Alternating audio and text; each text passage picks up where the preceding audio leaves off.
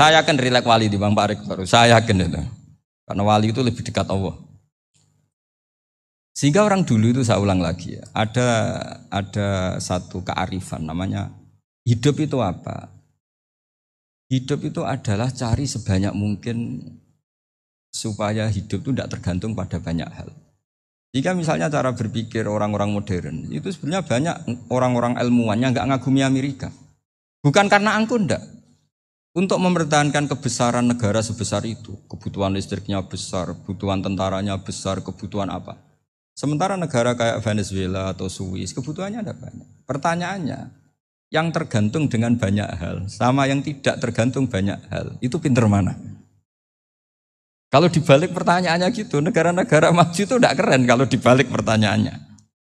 Orang yang untuk mempertahankan eksistensinya banyak, butuh banyak hal, dengan yang tidak butuh banyak hal, itu pinter mana? Orang yang bahagianya nunggu jadi dokter, nunggu jadi kiai besar, kiai viral, dengan orang yang bahagia cukup dengan ngopi, itu pinter mana? Tapi kalau dibalik pertanyaannya, orang yang tahunya nikmat hanya kopi dengan nikmat yang banyak, pinter mana? Makanya Mbah Mun tuh kalau guyon itu lucu. Aku ikut saake ambil ung desa sing mlebu swarga. Saya dulu eskal mlebu swarga kok disakeni. Akhirnya beliau memberi penjelasan. Wong desa iku roy pakanan enak, iku mau kopi mbek uduk. Lah swarga iku mau nuruti sing dikarepno. Akhirnya semua mangan wis ngopi, nguduk, ngopi. Wong ora roh pakanan liyane ku ora roh.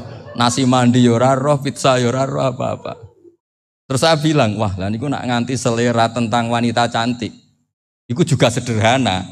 Rontok pesek ya wis cantik, rontok ireng ya wis apa bidadarinya seperti itu karena saking nggak pengalamannya. Jadi surga itu kan nuruti apa yang diinginkan. Kira-kira keinginan orang kampung kalau di surga itu apa coba? Makanan apa coba? Mana ibu nak senangnya ketemel gemblong itu. Nang, artinya malaikat lebih suka nangani surganya orang-orang kampung di bang Pak Rektor. Ini sudah ribet ini. Makanan apa saja sudah pernah dicoba. Ya. Terus kalau di mall tahu orang macam-macam, seleranya macam-macam pasti. Enak mana kalau sampai jadi malaikat pelayan surga? Suka ngelayani orang kampung apa yang orang kota? Orang kampung kan? Jadi ya itu guyon ya, guyon tapi itu menjadi pikiran kita bahwa orang yang banyak kebutuhan itu sebetulnya banyak kebodohannya karena menggantungkan kebahagiaannya dengan banyak hal. Makanya Imam Syafi'i ngendikan Istighna itu apa? Al istighna labi. Yang dikatakan kecukupan adalah berusaha sebanyak mungkin banyak hal tidak kamu butuhkan. Bukan memenuhi semua kebutuhan kamu. Karena nafsu kamu ini tidak ada batasnya gitu. Kalau kamu penuhin nggak akan selesai. Itu ada perempuan yang kurang cantik itu minta doa saya. Gus doain suami saya kaya. Terus tak guyonin. Terus nggak minta. Kalau suami kamu kaya, yang pertama dirubah itu apa? Rumah supaya rumah saya bagus. Kedua apa? Mobil supaya mobil saya bagus. Nanti yang dievaluasi itu kamu.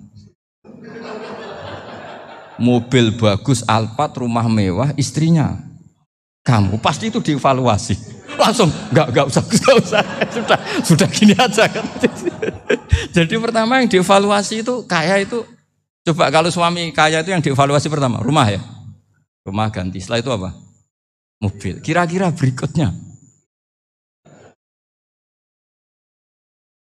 Akhirnya sudah aku nggak jadi, nggak jadi. Nabi Ibrahim itu pernah minta umur panjang. Keren umur panjang. Sama Allah nggak dijawab. Datang orang tua gitu mertamu ke Nabi Ibrahim. Terus disuguhi dikasih kurma. Apa itu? Kok kurma apa? Anggur. Anggur yang sudah matang. Matang sekali. Sudah dimakan. Setelah dimakan meler keluar lagi. Dimakan lagi meler lagi. Terus Nabi Ibrahim masuk lagi ke kamar. Ya Allah, doanya tak cancel. Nanti kalau saya tua kayak itu. Jadi Allah itu gak jawab langsung tapi ngirimkan itu. Akhirnya ya Allah gak jadi gak jadi. Nanti takut itu. Saya pernah ngalami jadi kiai tadi ada ibu-ibu ya kurang ya gak pati cantik lah. Suaminya tuh miskin sekali. Minta doa saya supaya kaya. Bareng tak kasih pertimbangan itu udah udah gak, gak usah gak usah gak jadi itu. Jadi itu kearifan. Tapi kearifan ini harus kita tanamkan. Saya nggak bisa membayangkan Indonesia yang besar ini, andai kan tidak ada kona. nerimo ing pantum. Coba sekarang ada Covid. Andi kan Indonesia tuh kayak Prancis. Saya beberapa kali punya tamu orang yang hidup lama di Perancis, bahkan dapat istri orang Perancis. Itu dulu gak begitu mencintai Indonesia. Tapi setelah di Perancis dua tahun, wah Indonesia hebat.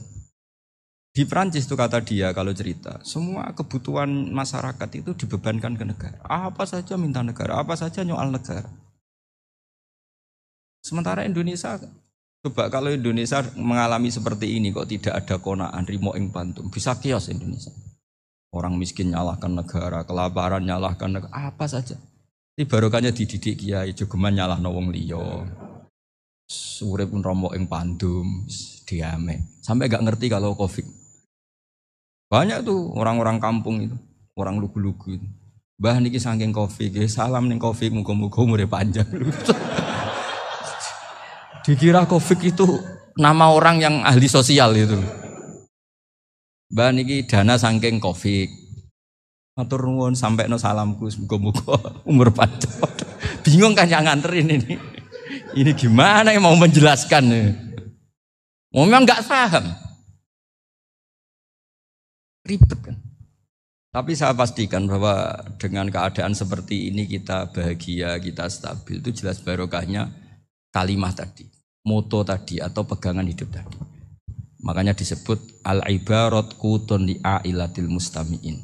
Bahwa redaksi atau kata-kata atau pegangan atau filosofi hidup, apalah namanya itu, itu adalah penyemangat. Penyemangat. Karena kata-kata ini memang luar biasa. Ketika sahabat perang, perang demi kebenaran, zaman itu ya pasti benar karena yang dibela Nabi, Dulu itu kan enak zaman Nabi, yang dibela mesti benarnya, musuhnya mesti salahnya. Jika dulu itu memang harus tegas. Kalau sekarang mau tegas gimana? Yang kamu bela tidak mesti benar, musuhnya tidak mesti salah. Ribet kan kalau misalnya saya tukaran sama Pak Rektor, kamu mau bela mana kan bingung. Saya tidak mesti benar, wong saya tidak Nabi. Pak Rektor apalagi nggak mesti benar lagi kan? Ribet kan? Jadi kalau kita mau perang sekarang itu mau pede gimana? Enggak. Makanya banyak ulama sekarang tuh mau tegas tuh gak berani karena ya ya banyak hal yang abu-abu lah wilayahnya misalnya pilihan presiden atau pilihan bupati, pilihan menteri. Kamu mati-matian bela itu. Yang kamu bela ada mesti benar, musuh kamu tidak mesti salah. Misalnya pilihan, pilihan bupati. Wah ini kabupaten ini baik kalau bupatinya ini. Yang satu bilang ini. Terus tim suksesnya kamu tanya. Kamu yakin? Ya tidak juga. Lah kenapa semangat? Kan saya botohnya paling alasannya ya itu aja. Bukan yang lain. Beda dengan zaman Nabi. Nabinya mesti benar, Abu Jahalnya mesti salah. Kan enak aturan mainnya jelas. Singkat cerita dalam perang itu banyak sahabat yang alami luka, ngalami apa gitu. Kemudian curhat lah ke Nabi. Ya Nabi gara-gara derek kan jenengan, ngikuti jenengan saya harus ngalami seperti ini, seperti ini. Eh, ngiranya orang itu diapresiasi sama Allah keluarnya. Ternyata sama Allah gak diapresiasi. Malah diturunkan ayat intaku nu ta'lamuna fa innahum ya'lamuna kama ta'lamun wa tarjuna minallah malah yarjun. Kalau kamu sakit karena perang, orang-orang kafir itu ya sakit. Itu saja berani padahal demi kekafiran. Wa tarjuna minallah malah yarjun. Padahal kamu punya nilai lebih yaitu berharap kepada Allah yang mereka tidak punya. Saya jadi kiai itu ya kadang mangkel. Karena yang benci ya benci, yang seneng itu ngel-ngel loh kayak Pak Bejo. Jadi semuanya ribet. Nah iya, yang benci ya ganggu, yang seneng ya ganggu, tambah nemen. Seribet. Tapi kalau sudah ingat bandar narkoba, mereka berhadapan dengan polisi, kadang ditembak karena kesalahannya terlalu fatal. Antar persaingan mereka juga bisa tembak-tembakan karena merebut pasar narkoba. Itu saja mereka berani. Kok kita yang jadi kiai kadang dicium tangannya, dihormati gak berani, hanya takut apa ya musibah-musibah kecil atau problem-problem kecil. Nah iya, kalau kita bandingannya gitu. Kalau kamu mau tahajud kedinginan, itu masih nanti di sisa bawah itu gitu. Maling ayam itu keluar malam-malam, hanya dapat ayam. Itu gak takut dingin. Ya gak takut digebuki masa. Kamu mau tahajud saja takut dingin. Makanya nanti hisapnya orang soleh itu nanti dijajarkan orang dolim. Terus diperbandingkan. Wah itu habis kamu kalau itu. Jadi misalnya Unisula mau rapat, tapi ini malam, kalau malam dingin nanti sama masuk angin. Wah anak-anak pang di perapatan aja berani kamu. Kalau sudah perbandingannya gitu tuh ribet kita nanti. Makanya itu kalimat, kalimat itu moto atau filosofi hidup. Sehingga diulang lagi nasihat itu. Iyam saskum korhun fakodu masal koma korhum mislu. Kalau kamu kena luka, orang-orang yang nggak benar juga akan kena luka. Itu aja berani demi ketidakbenaran. Masa kamu demi kebenaran enggak? Enggak berani. Akhirnya orang itu, ya itu kalimat, itu heroik. Makanya kita ini penting ya, makanya tadi eh, himne Unisula dimulai kalimah-kalimah toyibah. Karena kalimah ini yang menjaga kita kalimah ini. Misalnya tentang Tuhan. Kenapa orang Islam imannya kokoh seperti ini, termasuk yang sudah hidup di Amerika, di Australia, di mana-mana. Itu ya barokahnya ajaran atau barokahnya kalimah. Saya sebut kalimah saya pakai bahasa santri. Karena la ilaha illallah itu dalam tradisi santri disebut kalimatu haqqin aliyah nahya wa aliyah namut wa aliyah nub'as. Ada yang riwayat wa biya nub'as insyaallah ta'ala minal aminin. Kenapa mereka di mana-mana meskipun sekolah di Amerika, di Australia, bahkan di Uni Soviet tetap mukmin. Itu barokahnya ajaran yang benar. Allah itu siapa? Tuhan. Tuhan itu sifat dasarnya apa? Awal. Dia harus wujud awal sebelum makhluk yang lain. Sehingga ketika ada negara yang maju, yang tertib, manajemennya tertib, masyarakatnya makmur. Tapi punya Tuhan yang yang tidak seperti itu, tidak awal, itu sudah gak nyaman. Karena ndaklah keren Tuhan saya, karena Tuhan saya itu al awal, dat yang pertama. Tuhan saya keren lah, dat yang gak mati. Tuhan yang gak mati, yang gak pernah mengalami kematian. Sehingga tontonan atau yang dilihat kenikmatan-kenikmatan yang lain ini tidak mengubah dia pendirian tentang tuh Tuhan karena mantapnya satu kalimat tadi bahwa Tuhan itu ya harus satu, harus awal, harus tidak mati, tidak rusak, tidak mengalami apa-apa yang membahayakan. Sehingga ketika ditawarin Tuhan yang lain meskipun menjanjikan secara finansial atau kemakmuran, mereka gak tertarik. Itu coba, itu barokahnya makmur apa barokahnya ajaran? Barokahnya ajaran, sering negara Islam itu kalah makmur dengan mereka. Tapi barokahnya ajaran ini tetap apa? Tetap Islam. Makanya Nabi Ibrahim, Nabi yang sukses bikin wajah Allah kalimatam baqiyatan fi akibi. Sehingga kita, kita ini bekti sama orang tua misalnya. Itu ya karena ajaran. Suwargamu itu karek wong tuamu. Nak wong tuamu ridho, Allah ridho. Nak ora ridho, Allah ora ridho. Ridho wa fi ridho walidain wa sakhatu wa wa sukhtu wa fi sakhatil. Sehingga ketika ada orang tua yang agak brengsek gitu, anak-anak tetap hormat. Punya orang tua yang miskin, yang sudah miskin, tukang tombok nomor, banyak kan di kampung gitu. Ya tetap hormat. Coba kalau dari awal kita ngajari orang tua kamu hormati ya kalau baik, kalau tidak, tidak usah. Bisa geger Indonesia. Tapi barokahnya ajaran-ajaran itu Indonesia tertib karena ada ah, tadi ada ajaran. Nah ini di sini ini eh, pesantren dan Unisula semua harus berkontribusi membuat ajaran yang benar itu adalah ciri utama Islam. Sehingga Islam ini dimulai dengan ajaran kalimatu haqqin alihanahya wa alihanamut. Sehingga kita tenang seperti ini. Saya ini termasuk kiai yang tenang. Meskipun kata orang banyak saya ini kiai besar, tapi termasuk kiai yang paling tenang. Termasuk yang paling tenang. Karena saya ini pakai madhab orang-orang hebat. Saya berkali-kali cerita, orang-orang kayak Imam Syafi'i itu orang yang luar biasa. Saya berkali-kali cerita. Orang yang tadi nyium tangan kamu ya Imam Syafi'i di belakang tuh ngerasani kamu, menghujat kamu. Jawabannya enak saja. Berarti saya alhamdulillah orang yang wibawa. Buktinya di depan saya nggak berani. Jadi enteng saja.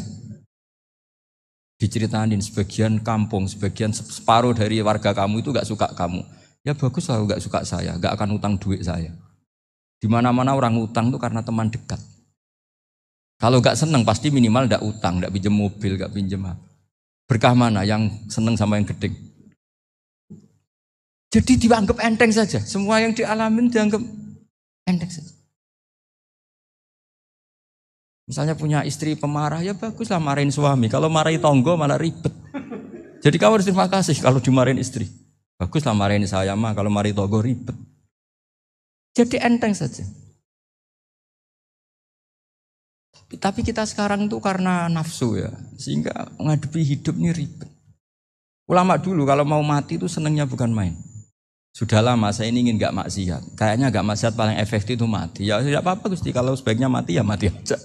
Enteng saja. Jadi melihat kematian itu akhir dari segala keburukan atau potensi keburukan. Apa pun baik kita sekarang, suatu saat mungkin kita nggak baik. Yang bisa menghentikan ketidakbaikan atau potensi ketidakbaikan itu apa coba? Mati kan? Berarti mati itu mengerikan apa menyenangkan? Mesti kamu tidak berani menjawab. Meskipun secara ilmu kamu berani, tapi secara rasa agak berani kan? Saya ulang lagi ya, yang bisa menghentikan keburukan atau potensi keburukan itu apa coba? Apa? Matian. Berarti kematian itu menyenangkan atau menyusahkan? Apa pun kamu tidak berani jawab karena kamu agak-agak duniawi itu kelihatannya. Tapi secara ilmu, kamu tahu kan kalau mati itu tidak buruk-buruk banget. Karena apa? Itu akhir dari segala sehingga Nabi ngajarkan kalimat itu begitu luar biasa. Allahumma ahyini maka natil hayatu khairan li. Wa tawaffani maka natil wafatu khairan li. Nabi melihat dunia itu begitu indah. Ya Allah, kalau saya ini hidup, anggap saja hidup ini ziyadatan li fi kulli khairin, menjadi modal saya menambah segala kebaikan. Jika suatu saat saya mati, anggap mawon rohatan li min kulli syarrin, itu akhir dari segala keburukan Subhanallah wa bihamdihi adada khalqihi wa ridha nafsihi wa zinata arshih data kalimati Subhanallah wa bihamdihi adada khalqihi wa ridha nafsihi